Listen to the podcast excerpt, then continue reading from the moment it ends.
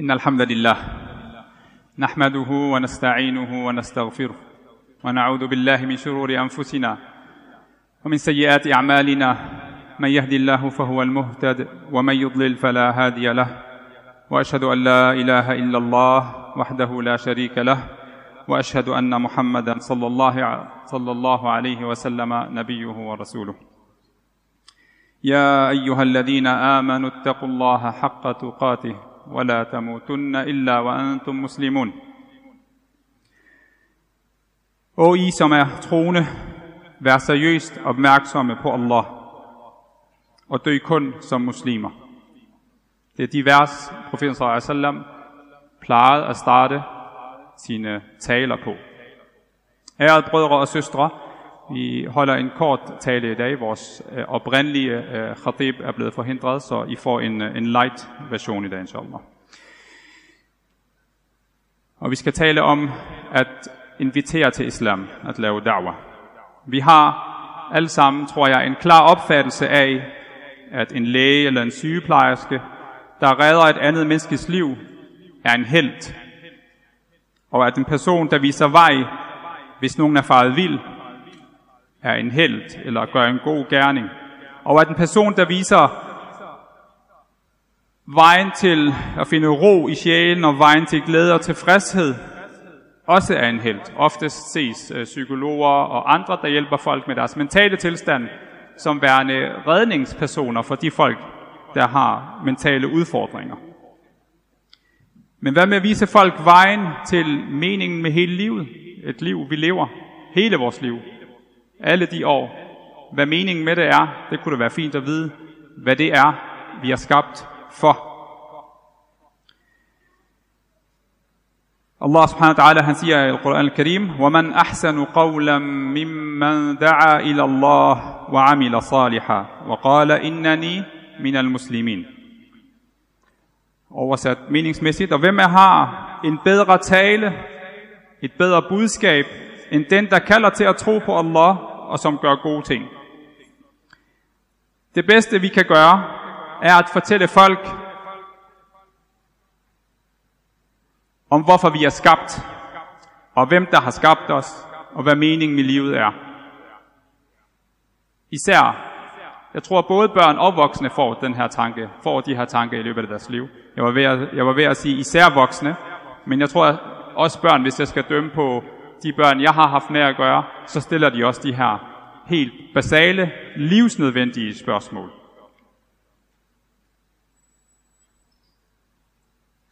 Fordi så får folk en chance for at finde ro i det liv, de er i, når de ved, hvad det går ud på.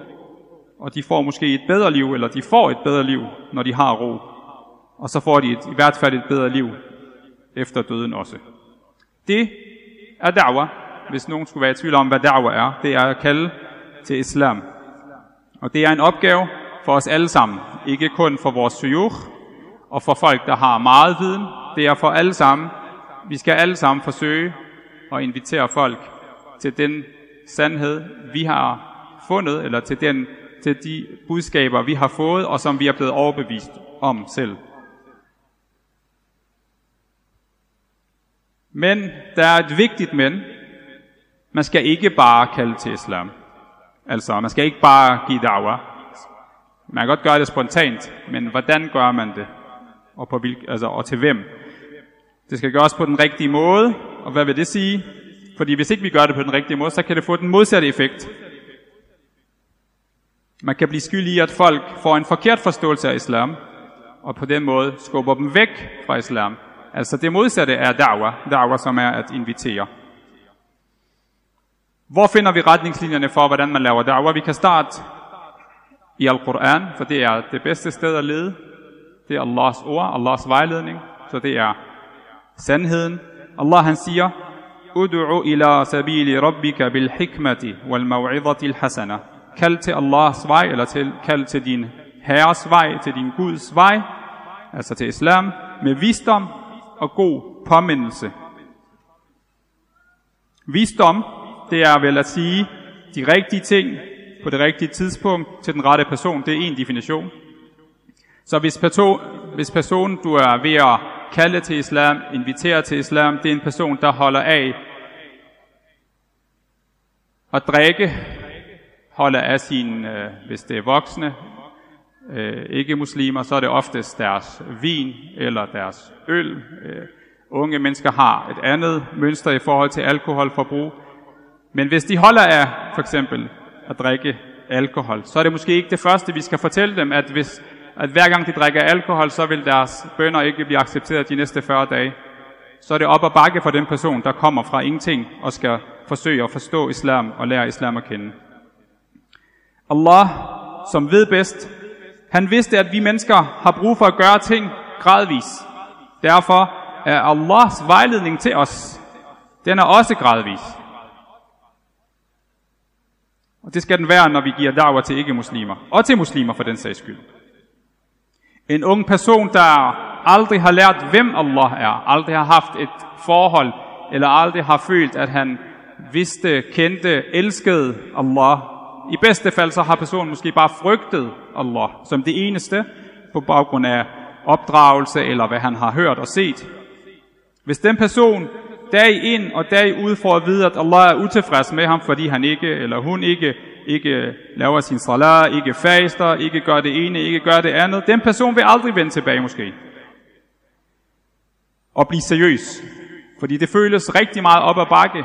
Og hvem, gør, hvem, skulle, hvem skulle vedkommende gøre det for, hvis ikke han føler, eller hun føler, at øh, et stærkt forhold, eller et forhold til Allah. Så den rigtige da'wah til den person vil måske være, og starte med at få dem til at lære, hvem Allah, øh, lære Allah at kende, hvem Allah er. Hvad Allahs egenskaber er. Allahs barmhjertighed, Allahs visdom, og så videre af de navne og egenskaber, som Allah har fortalt os om sig. Og når kærligheden, når forholdet til Allah er der, så vil folk selv stræbe efter at følge Allahs vejledning. Øh, jeg, jeg tror, det er en sheikh, jeg har hørt sige, Øh, når han sammenligner, hvordan sahaba, profetens øh, venner og ledsager, de lærte islam.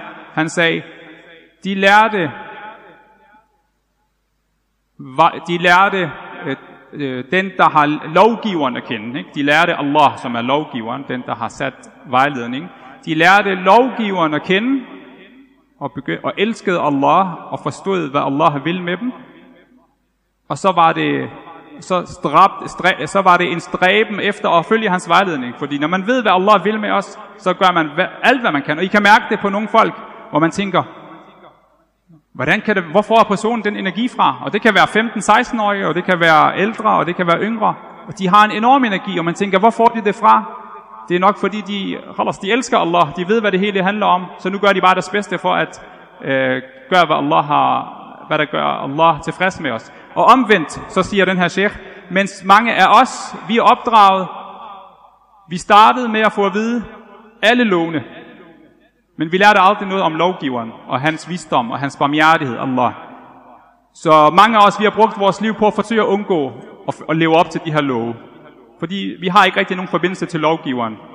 Og derfor så tænker vi, at vi skal bare forsøge at undgå at, at leve op. Ligesom når man forsøger at undgå moms og skat, man har ikke, ikke et forhold til staten. Man føler ikke, at man skylder staten noget, og derfor så forsøger man at gøre alt, hvad man kan for at undgå at betale øh, moms og skat, eller hvad man ellers skal betale til staten.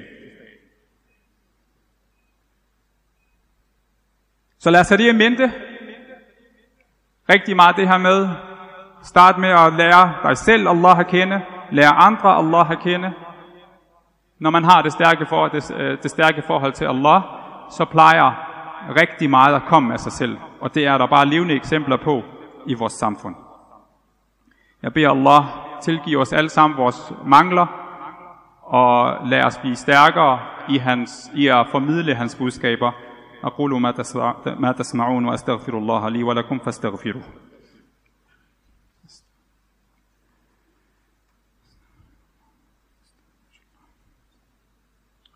بسم الله والحمد لله en sidste ting, jeg vil nævne, når vi taler om da'wah, at kalde til islam, er, at når vi laver modsvar, eller det er ret udbredt, at muslimer laver modsvar til muslimer, eller laver modsvar til ikke-muslimer, refutations. Det er rigtig meget på mode, ikke? især når vi har så nemme, øh, så lette midler til at lave modsvar online, mener jeg. Og det er sjældent en god måde at kalde til islam på, det at lave refutations og modsvar. Det kan være, der kan nogle gange være behov for at modsvare forkerte informationer og løgne osv. Men hvis formålet er at oplyse og kalde og invitere, så er det sjældent den rigtige tilgang, at man modsvarer folk. Især folk, der ikke har tydeligvis ondsindede hensigter med det, de siger. Det kan være, at de bare er udvidende. Det ligger i ordet da'wa på arabisk, at invitere. Hvordan inviterer man? Det ved vi alle sammen, hvis vi skal, have, hvis vi skal invitere gæster. Så her er det samme mindset. Så hårde og kontante modsvar til folk opfattes næsten aldrig øh, som invitationer, men oftere eller nærmere som krigserklæringer. Så vi kunne alle sammen godt bruge lidt mindre krudt på at modsvare og diskutere detaljer, og i stedet sige og gøre ting, der gør os og andre mere opmærksomme på meningen med livet, og gør os opmærksom på eksistensen, at der er en, eksistensen af skaberen, Allah, og gør opmærksom på at følge hans vejledning. For det, det, det er en vejledning, det er ikke forbud, og, og ja, det kan føles sådan, men når man ser på det som en vejledning, så er det bare meget mere positivt at anskue Allahs budskab til os. Og forestil dig, hvilken effekt det vil have på folk, hvis vi alle gjorde os umage med vores opførsel over for andre. Så det ene det er at kalde, noget andet er opførselen, vores udstråling. Hvis folk kunne stole på os, når vi talte, de har ikke oplevet, at vi løg, så når vi siger og kalder til islam, så, så tænker de ikke, at vi lyver som det første. Eller at vi var op, øh, sandfærdige, oprigtige, når vi handlede.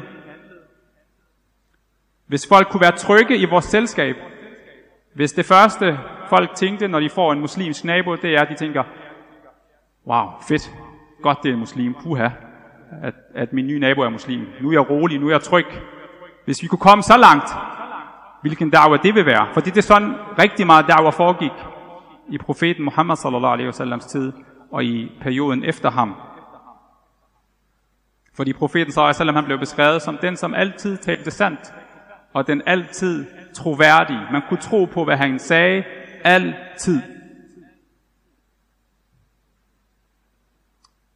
Jeg beder Allah hjælpe os på rette vej alle sammen, og lad os være gode eksempler for andre, og vi beder Allah give os visdom i vores tale og handlinger, og vi beder ham tilgive os vores sønder og helbrede vores sygdomme og hjælpe os med at blive frie for de begrænsninger, vi har sat til os selv, så vi kan blomstre og få mere ud af vores potentiale.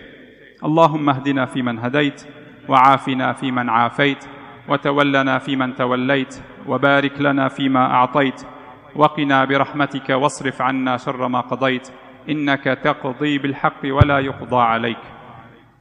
ربنا آتنا في الدنيا حسنة وفي الآخرة حسنة وقنا عذاب النار. سبحانك سبحان ربك رب العزة عما يصفون وسلام على المرسلين والحمد لله رب العالمين. وأقم الصلاة يرحمك الله.